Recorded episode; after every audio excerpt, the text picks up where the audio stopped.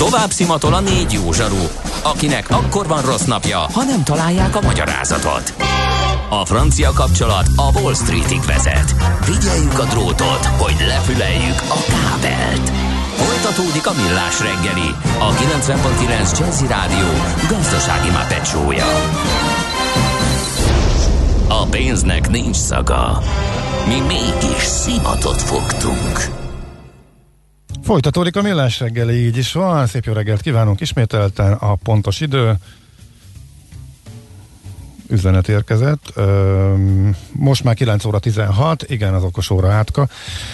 Ne üzengessél nekem, Bandi, mert így nem tudok pontos időt mondani, hogyha itt látom a csetelést az órámon. Na, szóval, most Na, már... Azt nem én csinálom, hanem a Mihálovics kollega, aki ilyenkor betrolkodik a szerkesztőségi Na, hát most- cseten, ahelyett, hogy pihenne.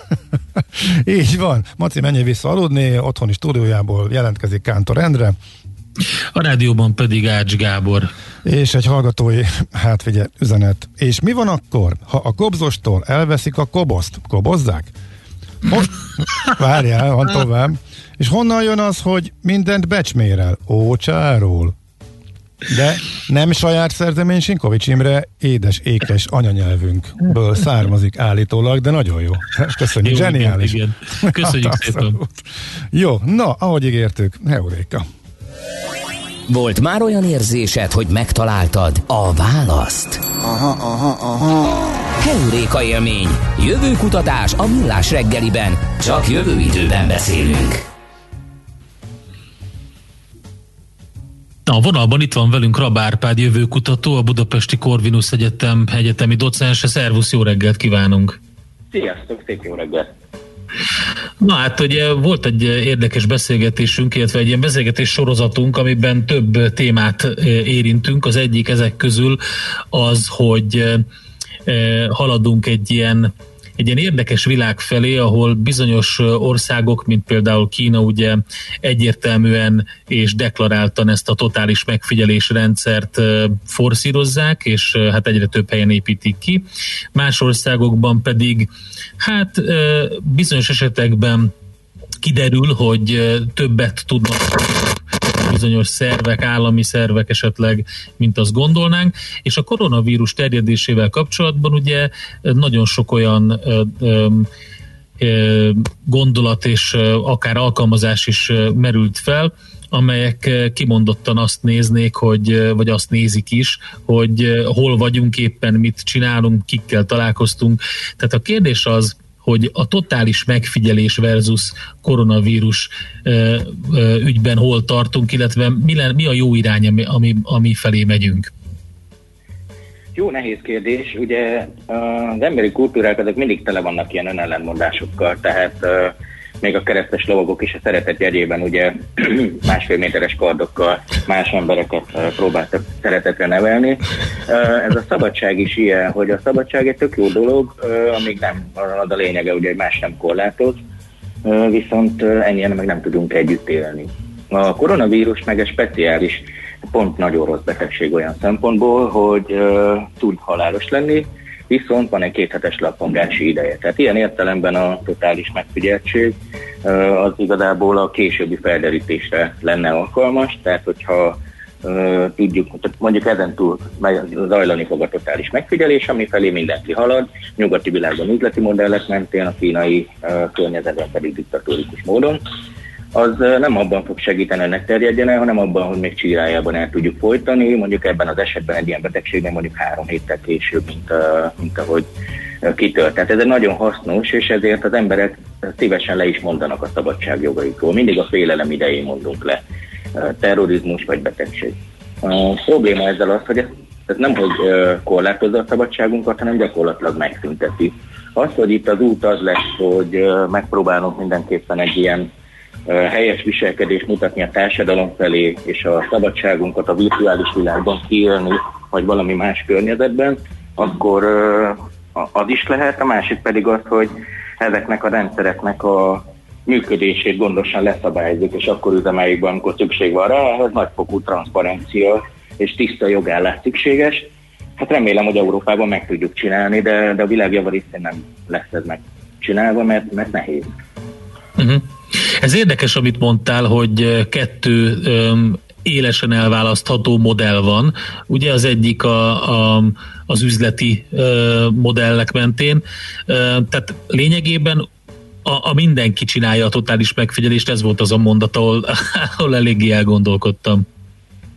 Igen, de, de tényleg, hát ha belegondolunk, most afelé haladunk, hogy az elmúlt száz évben a jóléti társadalom és a kapitalizmus és a pénz egységesítő erejével tök jól együtt tudunk működni. Most meg egyre inkább az adatok mentén működünk együtt, és ez most kihat egyébként a pénznek az értékére is. De nem, tehát mindenki az adatgyűjtésből próbál, mert egyszerűen nagy a számosság, illetve nagyon gyorsan zajlanak a dolgok. Tehát, hogy ugye felgyorsult a technológiai fejlődés. És ezt csak így lehet megcsinálni, az, hogy ezt a, a és ugye a totális megfigyeltséggel az a utolsó lépés, már nagyon olcsóvá vált a fizikai megfigyelés is. Tehát fejlődtek a kamerák, most már arcfelismerés kamerákat is ö, nagyon nagy mennyiségbe lehet kihelyezni az utcákra, egyszerűen túlságosan adódik. Az a kérdés, ugye, hogy ez a mi érdekünkben történik-e, vagy sem. Ha tényleg ö, megtörténik az, hogy anonimizáltan gyűjt adatokat, és csak akkor aktiválódik, ha tényleg beteg vagyok, és így tovább, ezek szuper dolgok, technológiailag megoldhatóak, és jogilag is leszabályozhatóak. Például a Európai Unió számos országában is, sőt, meg az Európai Unió is fejlesztett olyan kutatási szoftver, mondjuk úgy, ami, ami jogilag rendben van.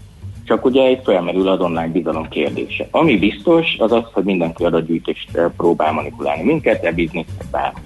Az, hogy ennek a határát meg tudjuk-e húzni, ez, ez, ez nagyon nagy felelőssége van a jogászoknak, és nagyon nagy felelőssége van egyébként az embereknek, hogy használják ezeket a szolgáltatásokat, hogy megoldják máshogy nem szabad megijedni nagyon, mert akkor ott döntéseket hozunk. Persze, ez egyértelmű, viszont én nekem az, hogy az embereknek nagy felelőssége van, ez, ezen a ponton egy kicsit azért szkeptikus vagyok. Szerintem a legtöbben nem is tudják, hogy egyáltalán milyen adatokat osztanak meg magukról, és hogy mit csinálnak, amikor használnak bizonyos rendszereket. Egész egyszerűen, ahogy megkapják a okostelefont, tabletet, laptopot, elkezdik használni, aztán kész.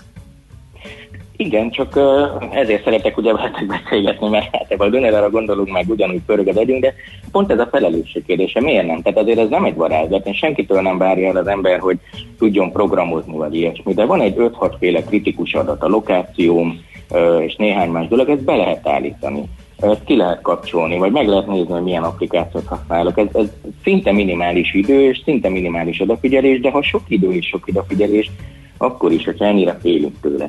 Például a magyar társadalomban nagyon jól kirajzolódik egy ilyen kétartúság, hogy nem bízunk az online térben, nem bízunk az, az online található hírekben, a lakosságnak 70%-a, viszont mégis az online teret használják a legtöbbet. Tehát, hogy az a, a, az a félelem, hogy ez nem jó, ez nem azt akadályozza meg az embereket abban, hogy használják.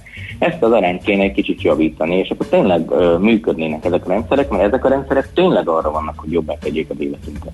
De a, a digitális kultúrának sajnos van egy ilyen kényelem felé toló hatása, hogy figyelj, megoldom helyetted. Már azt se tudom, merre megyek, mert mindig útvonal tervezővel megyek. Már elfelejtettem közlekedni. Ezek nem okések. Tehát az jó, hogyha segít, és segítsen, és imádom őket, de azért tudjam kb. hogy merre megyek. Tehát, a, tehát annyira könnyen hagyatkozunk arra, hogy ez egy kényelem, ez fárasztó, én úgysem értek hozzá, ezek mind megoldható problémák. Pont azon gondol, már tudom, hogy ennél nem akarom félrevinni, csak ugye pont egy vitában voltunk az ügyben, hogy mennyire kell tudnunk számolni, fejszámolni, ha egyszer már a számológép levette a a terhet rólunk már egyszerűbb számításoknál is, e, és akkor azon túl még bőven túléptünk ezer más e, dologban is, tehát e, már kell egyáltalán tudnunk összeadni papíron.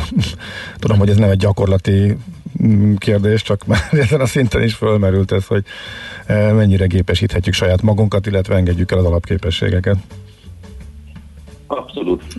Egyik legérdekesebb probléma, hogy hol húzzuk meg a határt. Mhm. Nyilván nem kell nekem nagyon fejszámolni, de azért számolni nem áthat tudok. Tehát a forráskritika kérdőjelezedik, még egyre több emberrel beszélgetek, akár a hétköznapokban, nem mindig a kutatói statisztikákat, amikor észre se beszél, milyen butaságot mond, mondjuk most egy kutató ismerősem, ez a hát 12 millió ember gondolja így, de mondom, hogy ez egy 7 milliós ország de nem nézi meg a számot, már csak pörög előtte, nem Aha. gondol bele. Tehát ezt, ezt a kis műveletet. Persze én nem tudok úgy felszámolni, mint sokan mások, de azért egy nagyságrendit, hogy biztosan nem ment ez nagyon félre, annyit nem állt, kiengedhetjük, csak akkor nem panaszkodjunk, hogy ugye a totál, a, hogy totális kontroll van fölöttünk. Hát most uh-huh. adjuk át a kényelem jegyében. Hm. Térjünk vissza erre a dologra, mert szerintem ez egy nagyon érdekes vonal, amit elkezdtünk, hogy üzleti alapon történik ez a totális megfigyelés, vagy pedig egy ilyen állami kontroll. Ugye itt van Kína, és érdekes hírek érkeztek, és azzal kapcsolatban, hogy, hogy az arcfelismerő szoftvereket most már olyan szinten javították fel a koronavírus alatt, hogy most már maszkban is képes meg különböztetni egyedeket. És a totális megfigyelésnél ugye Kínáról, Kínával kapcsolatban beszéltünk arról is, hogy van ez a társadalmi um, um, rang, rangsor mondjuk így, uh, vagy hát ilyen, ilyen ilyen ranking, amikor, amikor különböző cselekedetek, cselekmények miatt több pontot kapsz, és akkor hogy feljebb kerülsz a rangsorban. Hogy nincs meg a veszélye szerinted annak, hogy egy olyan disztópikus jövő felé tolódik el, amikor ha azt látja, hogy a rendszer, hogy mondjuk te, te, te megfertőztél valakit, vagy nem figyelsz oda, óvatlan vagy, akkor ebben is kapsz egy ilyen stigmát, és lejjebb, lejjebb kerülsz a, a rangsorba, és így egy olyan szegregációt eredményez, mint mondjuk a, a, a, a, a szép új világban, amikor, amikor meglettek ugye a, a társadalmi rétegek így nevesítve, hogy alfák, béták, stb. Igen, ezek így, így, így, így mindig ott keringenek az ember tudatában, hogy hú, ilyen világ lett. Egyébként ezt a, ezt a mentális bakugrást pont meg is csináltuk mi magunknak, és ebben a gép pont segített, hogy ne legyen így. Most mondok egy példát, mikor itt terjedt, igazából, ha visszagondoltok, hogy az emberek nem szeretek arról beszélni, de esetleg ők betegek, vagy ha kiderül, hogy koronavírusos, akkor ott van egy kis ilyen kis ilyen szégyenérzet is, hogy hát akkor én most kárt okoztam a társadalomnak, meg tehát mi magunknak ezt okoztuk, hogyha hálózatkutatással ö, kutatok, akkor onnan szépen látszik, hogy hát ember Peckham volt. Tehát mentem a repülőtéren, ö, valaki elindult több ezer kilométerről arrébról, és pont akkor elment mellettem, és akkor engem pont mentesített arról, hogy én vagyok a hibás. Uh, amúgy az, hogy, hogy, uh, hogy, hogy beosztályozzuk magunkat. A kínai állampolgári rendszernek a legnagyobb rákfenéje, amiért uh, nyilván lehet őket csodálni, meg tisztelni, de igazából a legsúnyibb húzása az az, hogy nézd, hogy az ismerőseidnek mennyi pontja van. Tehát amúgy Aha. a viselkedéseddel ezt és ezt tudod csinálni, de nézd, és akkor azt, amit amúgy is megcsinálunk a társadalomban, hogy hát van ez a haver, jó fej, jó fej, de azért a munkahelyre nem vinném be, de este a kocsmában meg ő neki vannak a legjobb sztoriai, de haza azért nem kísérem, mert ő akkor gázul viselkedik.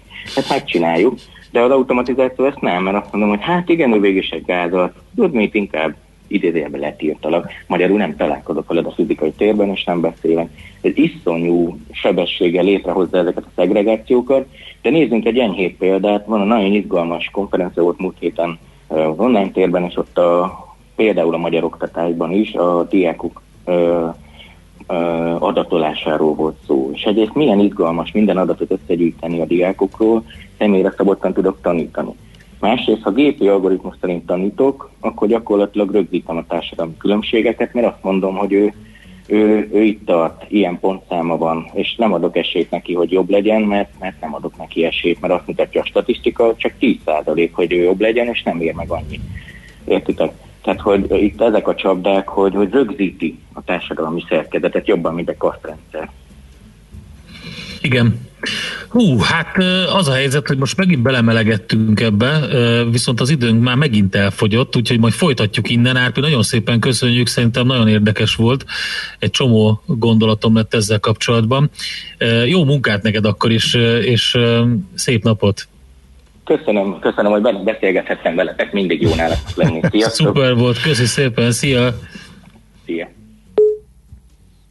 Rabárpáddal beszélgettünk jövőkutatóval, a Budapesti Corvinus Egyetem egyetemi docensével a totális megfigyelés és koronavírus kapcsolatáról, illetve arról, hogy ho- hova haladunk ebben a témában. És én meg viszonzom ezt, én azért is sikerült kifelejtenem egy gombnyomást, és magunkra indítani a zenét, mert annyira lekötött ez a dolog, és még mindig nagyon szeretem, hogyha Árpáddal beszélgetünk, és Előfordul. Nagyon, nagyon elgondolkodtató.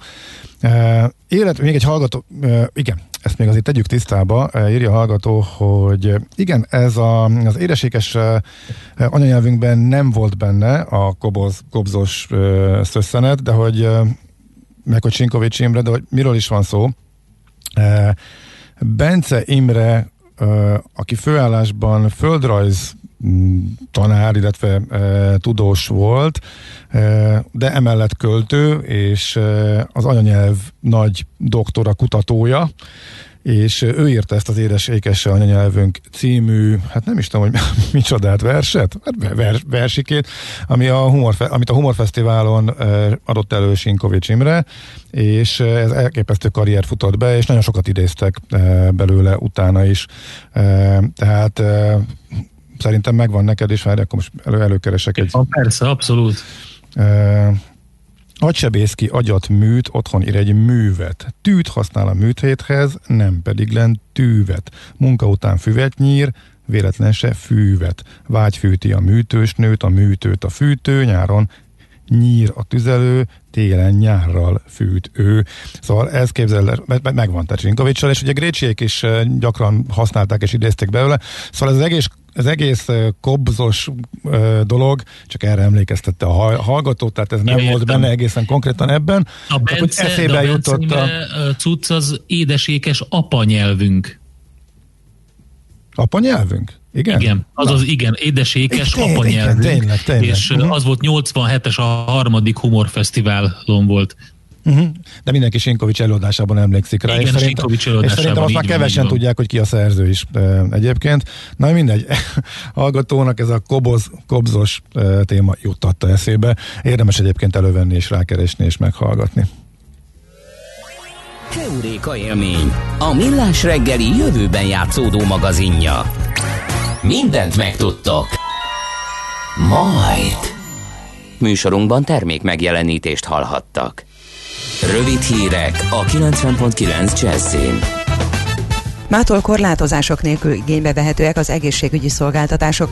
A kórházak esetében a koronavírus fertőzöttek ellátása érdekében kiürített ágyak 80%-át ismét az egyéb betegek ellátásánál lehet használni, azonban 20%-ot továbbra is az esetleges COVID fertőzöttek számára tartanak fenn. A járvány miatt elrendelt védőintézkedések közül érvényben marad, hogy telefonon kell időpontot kérni, az egészségügyi ellátóintézményekben el kell végezni az előszűrést. Álmos Péter, a Magyar Orvosi Kamara elnöke az ATV reggeli műsorában azt mondta, a kollégáik jelentős része nincs szolgálatra készen. Az orvosok jó része 65 év feletti, egy részüket elbocsátották, más részükkel nem is tudnak szerződést kötni, mert minden ilyen miniszteri engedélyhez kötött. Azt sem tudni pontosan hányan vannak, de nagyságrendileg több száz orvosról beszélünk, aki nem fog visszaállni most az ellátásba, fogalmazott. Az országos tisztifőorvos péntektől feloldotta a koronavírus járvány miatt korábban elrendelt kórházi látogatási tilalmat. A rektor utasítása alapján viszont a Semmelweis Egyetem valamennyi betegellátó intézményében továbbra is tilos a látogatás. Közben lesújtó eredményt ért el a magyar egészségügy egy nemzetközi felmérésben. Az Európai Unió tagállamai közül Romániában a legalacsonyabb a közegészségügyi ellátás színvonala, de közvetlenül ezután Magyarország jön a sorban. A legjobb ellátórendszerrel Svájc büszkélkedhet. Kezd teherré válni az időseknek fenntartott vásárlási idősáv a boltokban. Egyre többen hagyják figyelmen kívül a korlátozást, ami így ellenőrzés hiány leginkább a munkavállalókat hozza naponta hátrányos helyzetbe, írja a Magyar Nemzet. A szakszervezet szerint érdemes lehet újra gondolni, van-e még haszna a korosztály szerinti elkülönítésnek, mivel a tapasztalatok szerint már a 65 év felettiek sem csak délelőttönként járnak beszerzésekre, sok helyen pedig el sem küldik a vevőt az üzletből, hanem a megfelelő időpontban tér be. A cégeknek nem idén, hanem majd csak a jövő évi adóbevallással együtt májusban kell megfizetniük az idei évben esedékes helyi iparűzési adó teljes összegét. Legalábbis így értelmezi számos polgármester a jövő évi költségvetési törvényjavaslatot és az azt megalapozó jogszabálytervezetét.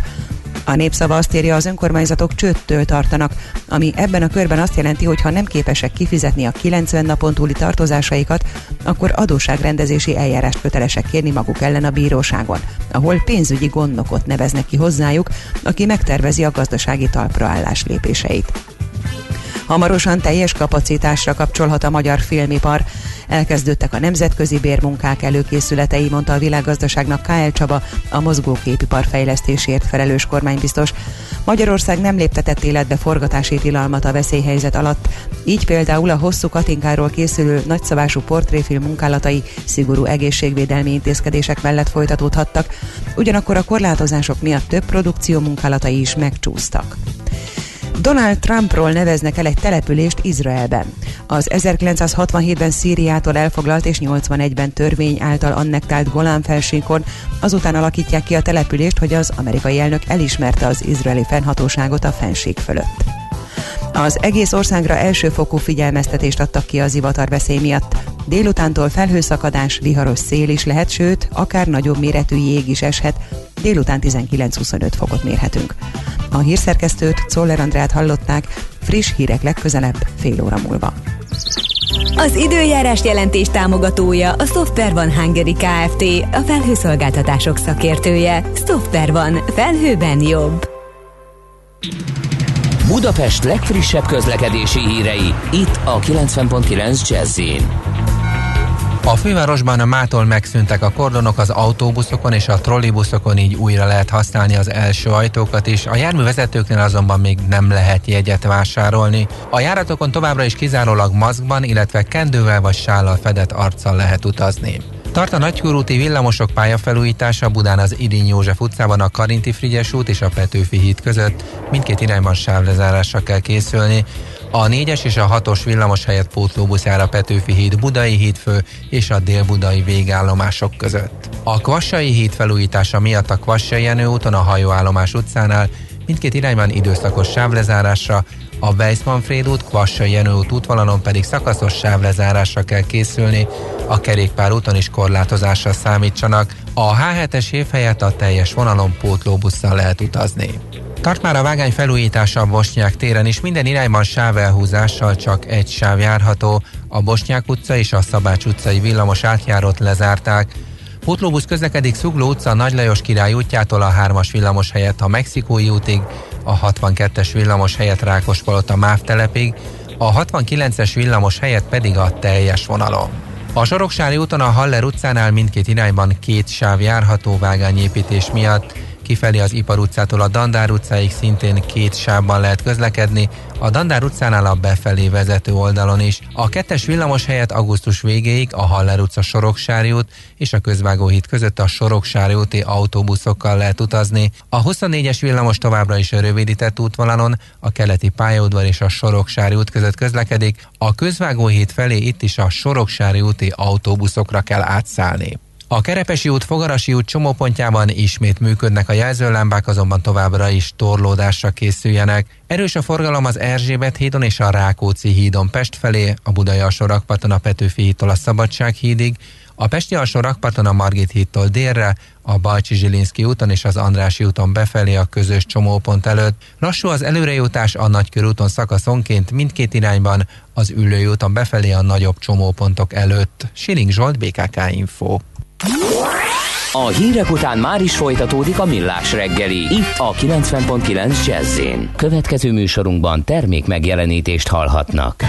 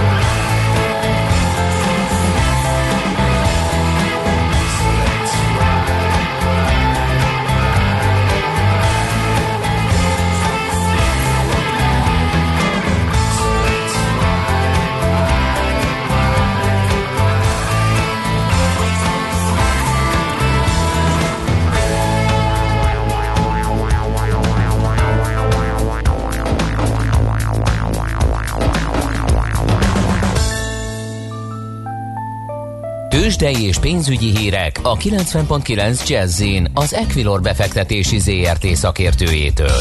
Equilor, 30 éve a befektetések szakértője. Ritok Lajos üzletkötő a vonalban, jó reggel, szia! Sziasztok, jó reggelt, köszöntöm a hallgatókat. Miért esünk? Nos, azt láthatjuk, hogy hétvégén Pekingben ismét, ismét kiújulni látszik a koronavírus, le is zárták az egyik legnagyobb Ázsia, egyik legnagyobb zöldséges nagybani piacát.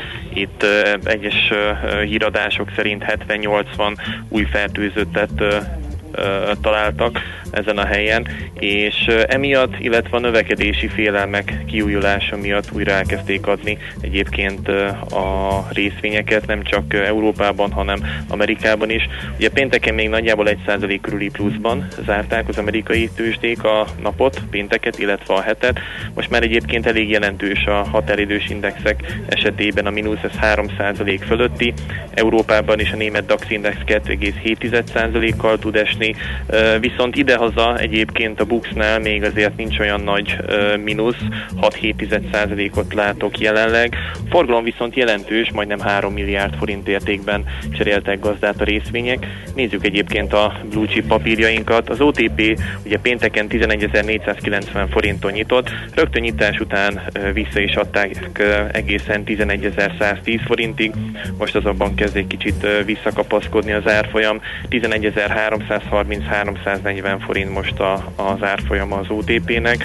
A MOL papírjait is visszaadták, 1%-kal tud esni, 1942 forint. A Richter részvényei ö, jelenleg stagnálnak, 1,1%-ot tudnak emelkedni, 6870 forint. Ö, itt kereskedik most, a Telekom papírjai pedig 7,1%-kal tudnak emelkedni, 385-50-386 forint. Itt ami kijött múlt héten, hogy a vállalat majd június 25-én fog tartani egy részvény visszavásárlási aukciót, valószínűleg ez is támaszthatja egyébként az árfolyamot kis és közepes kapitalizációjú papírokban pedig kezdjük előbb a negatív oldalról. Itt talán érdemes kiemelni az autóvalisz papírjait, 2%-os mínuszban járnak, ennél sokkal nagyobb mínuszos papírt nem látok egyébként. A pluszos oldalon pedig a Nutex részvényei emelkednek viszonylag nagy forgalommal, mármint a Nutexhez képest 4,4% most a plusz, és ez 31 forint 10 filléres árfolyamat jelent. Tehát nagyjából így uh-huh. néz mhm. ki most a, a hazai uh, bőrze. Oké, okay. forintot is elérte a rossz hangulat? Igen, így van. Uh, ahogy látom most az euróval szemben jelenleg uh, 347 forint 75 fillér, ugye múlt héten még ilyen 343-as szintről tudott visszakapaszkodni, illetve visszagyengülni. Következő szint az 350, illetve 355 az euróforint esetében. Arra számítok egyébként, hogy ezt a szintet akár ezen a héten el is érheti, vagy a 350-et, illetve utána a 355-öt. A dollárforint árfolyama is megugrott 4,1%-kal, 309 forint 25-30 fillér most a középárfolyam. Itt egyfelől a forint gyengülése hajtotta, másfelől másfelől pedig a dollár is tudott erősödni a főbb devizákkal szemben. Az 1.13-as szintet az euró-dollár már szinte el is hagyta, 1.12.43-as színnél jár most az euró-dollár. Fontosabb adat a mai napon az a délutáni MNB devizaswap tender lesz majd, ez nyilván az euróforintot fogja majd lényegesen befolyásolni, igazából más fontosabb makroadat mind idehaza, mind külföldről. Én úgy látom, hogy nem fog uh-huh. érkezni. Nyilván a koronavírussal kapcsolatos hírekre figyelnek majd a befektetők, de az látszik egyébként, hogy most nem jó a hangulat, tehát nagyjából Európában is ilyen 2-2,5 százalékos mínuszban állnak a tőzsdeindexek. Uh-huh. És az eddigieknél jobban koncentrálnak, és ismét előtérbe kerültek tehát a járvány lefolyásával, illetve a esetleges kiújulásával kapcsolatos hírek ezek szerint. Igen, így van, tehát lát, látható, hogy most erre figyelnek a befektetők. Nyilván majd, ahogy ki fog nyitni az amerikai előkereskedési időszak 10 órától, valószínűleg a légitársaságok árfolyama is jelentősen, vagy jelentős mínuszban fog majd nyitni. Ahogy látom az amerikai futures-öket, azok is nagyjából ilyen 3% körüli mínuszban állnak. A Dow Jones Index, Dow Jones Index Futures-e 3,3%-os mínuszban, az S&P 2,8 8, a NASDAQ 100 pedig legkisebb mértékben esik, de ez is 2,3%-os mínuszt jelent. Oké, okay, nagyon szépen köszönjük, figyelni fogjuk, és majd beszámolunk a végéről is. Szép napot, jó munkát neked is! Köszönöm nektek is, jó munkát, sziasztok! Szia, szia! Ritok Lajos üzletkötővel beszélgettünk a ma reggeli tőzsdei esés okairól, illetve a kilátásairól, meg a forint gyengüléséről. Tőzsdei és pénzügyi híreket hallottak a 90.9 jazz az Equilor befektetési ZRT szakértőjétől. Equilor, 30 éve a befektetések szakértője.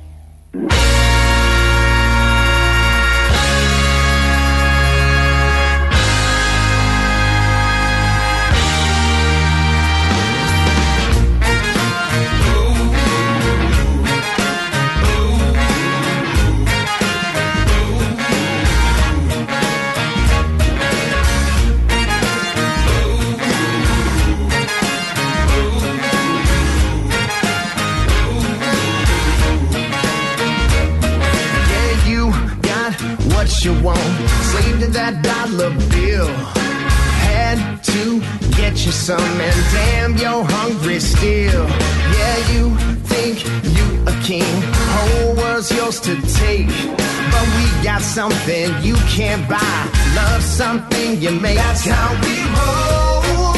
That's how we roll.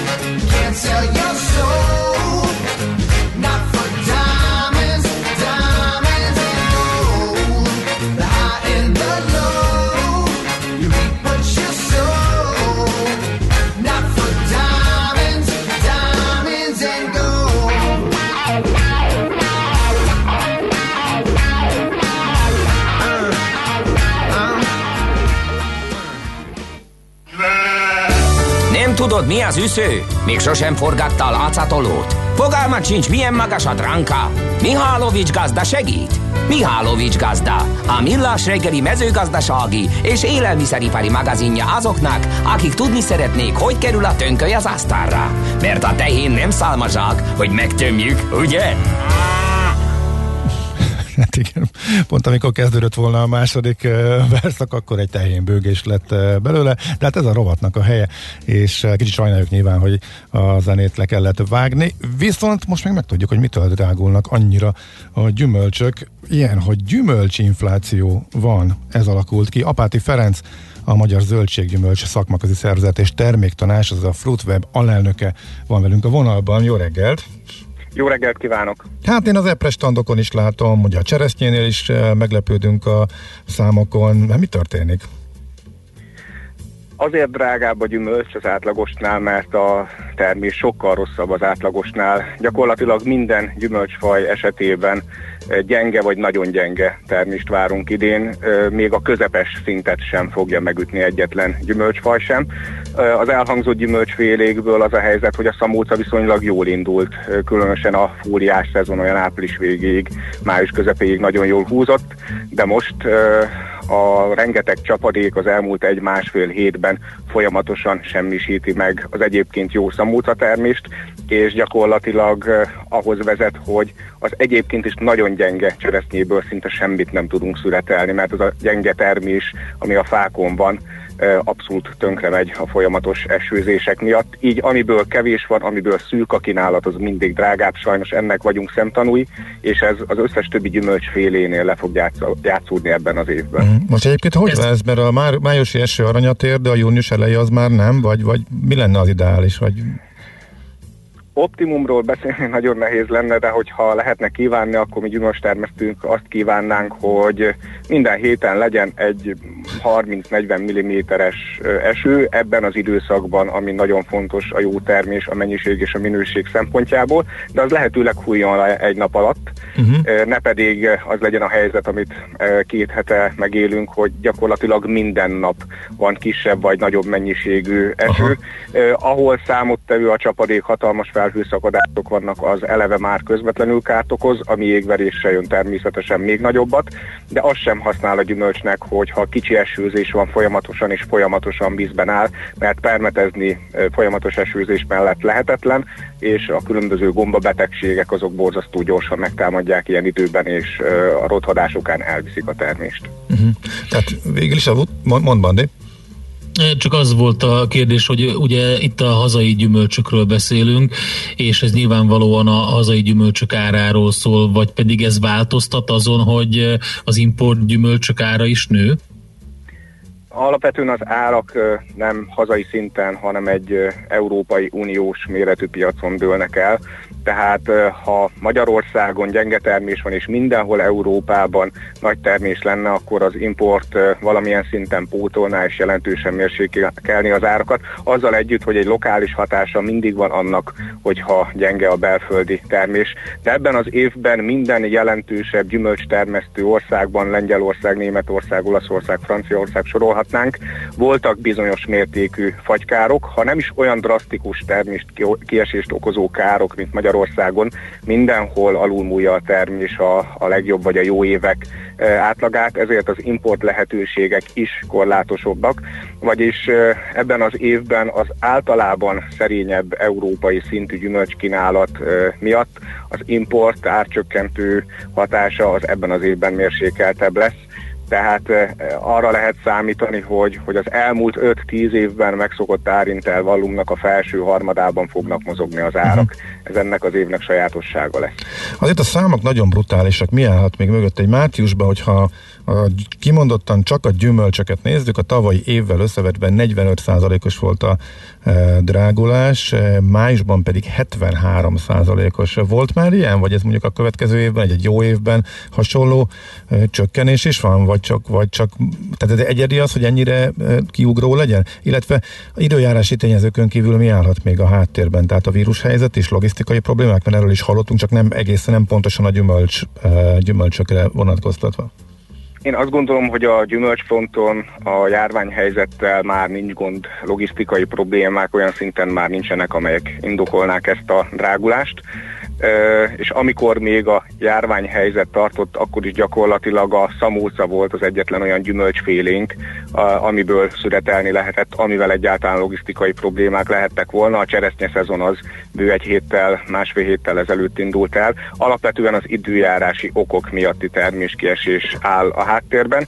Tavaly, egy nagyon, tavaly is egy gyenge termésünk volt, ami miatt ebben az évben egy nagyon jó virágzást és nagyon jó termést vártunk és hogyha nem szólt volna közbe az a 15-20 fagyos éjszaka, ami páratlanul sok ember emlékezett óta nem volt ennyi fagyos éjszaka tavasszal, akkor, akkor akár idén egy rekordtermés is lehetett volna, de, de a tavaszi fagyok okán negyed vagy féltermést várunk gyümölcsfajtól függően, és ez a szerény kínálat az, ami most nagyon felfelé húzza az árakat. Azt, hogy áprilisban, májusban milyen mértékű a drágulás, nem venné még semmilyen szinten olyan tekintetben alapul, hogy akkor ebből egész évre vonatkozó következtetést vonjunk le, ugyanis az a helyzet, hogy a cseresznye és a szamúca az azért drágul jelentősen, mert egy részét elvitte a fagy, főleg a cseresznyének a szamúcát kevésbé bántotta, amit nem vitt el a fagy, azt most elviszi a júniusi esőzés, ezért nagyon szerény a kínálat. Mhm. Az alma fronton, ami még ott van a boltok polcán, pedig az a helyzet, hogy mivel tavaly is az átlagosnál gyengébb alma termés volt, már alig van a tárolókban alma, holott augusztusig az új szezon kezdetéig valahogy ki lehetne húzni, és ezt a nagyon szerény betárolt készletet úgy próbálja visszatartani a piac, úgy próbálja beosztani a piac augusztusig, hogy nagyon-nagyon megemeli az árakat. Hát jelenleg az alma kilónkénti ára a boltokban 550-650 forint körül van, ami, ami szokatlanul magas. Ez az, ami most a két hónap vonatkozásában statisztikailag nagyon erősen felhúzza az árakat, Aha. azért ez majd az év hátra lévő részében mérséklődni fog, azzal együtt, hogy magasak lesznek az árak. Uh-huh. A később érő gyümölcsöknél e, mi a helyzet? E, látható, hogy ott mi várható, vagy ott is azért az utolsó heteknek az időjárása is sokat nyomalatban? Most legszívesebben azt mondanám, hogy már nem merek semmit mondani. Egy hónappal ezelőtt azt mhm. nyilatkoztam e, ilyen esetekben, hogy a rengeteg e, tavaszi hideg hatás, a rengeteg tavaszi fagy okán csak az lesz a biztos termés, amit leszüretelünk, mert e, ennyi hideg hatás után még a szüret előtt kettő-három héttel is előfordulhat egy rendkívüli gyümölcshullás, és akkor még nem gondoltam arra, de most már gondolni kell, hogy ha ilyen csapadékos marad az időjárás, akkor az pedig a különböző gombás rothadási betegségek okán, vagy cseresznyénél egyáltalán a kirepedés, kicsattogás okán viszi el a termés egy részét. Tehát minden attól függ, hogy a következő hetekben, hónapokban mennyire lesz hozzánk kegyes az időjárás, és mennyit hagy meg abból az egyébként is szerény termésből, ami most van a fákon. Összességében úgy állunk, hogy ami előttünk van, kajszi baracból egy negyed termésünk van, egy jó évjárathoz képest, tehát borzasztóan szerény. Őszi baracból talán egy harmad termés, megyből pedig egy féltermés várható. Alma szilva szintén nagyjából egy félterméssel jellemezhető, még ha ők majd egy picit később is kerülnek a piacra. Ez magyarországi frontot, magyarországi termést jelent, tehát minden gyümölcsfajból eleve gyenge uh-huh. a termés, de az időjárás későbbi alakulása még nagyon erősen beleszólhat. Hát nagyon drukkolunk, hogy kiszáradjanak ezek az égi csatornák, hogy ha most ránézünk, akkor ameddig azt nem ellát végig ez az áporos, zivataros idő látszik, de reméljük, hogy azért ez majd megváltozik, és a modellek tévednek, és azért hamar nyárias idő jön, és kevesebb csapadékot kapunk. Hát kívánjuk most, a legjobbakat. Most és... már arra nagy szükség lesz. Igen, igen, igen, igen, igen. És nagyon szépen köszönjük a beszélgetést, szép napot, jó munkát! Nagyon szépen köszönöm én is, viszont önöknek is. Viszont hallásra. Apáti Ferencer, a Magyar Zöldséggyümölcs Szakmaközi Szervezet és Terméktanács, a Fruitweb alelnökével beszélgettünk. Mihálovics gazda most felpattant egy kultivátorra, utána néz a kocaforgónak, de a jövő héten megint segít tapintással meghatározni, hány mikron a gyapjú. Hoci a pipát meg a bőrcsizmát. Most már aztán gazdálkodjunk a rézangyalat. Na hát nincs más hátra, mint előre. Köszönjük a sok-sok észrevételt a kedves hallgatóknak, akik hiányoltak fényképileg vagy képileg is minket, és nem hallották az elejét, akkor elmondjuk megint, hogy ezen a héten most szabadságolások, és hogy is fogalmazott Bandi kollega, a technika reszelése folytán. Így van. Fejlesztünk, reszelünk, Igen. szabadságolunk, nyár van. Egyébként a stream az megy, csak kamerában Kamerá, nem, lát, nem vagyunk kamerázunk. láthatóak, úgyhogy uh, hallani lehet minket továbbra is. De csak ezen a héten, és akkor jövő héten majd képileg is visszatérünk. De holnap ismét millás reggel mert csak addig kell, kitartsatok. Köszönjük szépen a figyelmet, nagyon szép napot kívánunk mindenkinek, hallgassátok a 90.9 jazzét, holnap reggel, fél hétkor pedig újra itt leszünk és folytatjuk. Szép napot kívánunk, sziasztok! Már a véget ért ugyan a műszak, a szolgálat azonban mindig tart, mert minden lében négy kanál. Holnap reggel újra megtöltjük a kávés bögréket, beleharapunk a fánkba és kinyitjuk az aktákat. Addig is, keressetek minket az arcaktákban, a közösségi oldalunkon. A mai adás podcastjét pedig holnapunkon. Millás reggeli, a 90.9 Jazzy Rádió gazdasági mapetsója. Ha csak egy műsorra van időd idén, tégy róla, hogy ez legyen az. Csak egy dolog lenne még.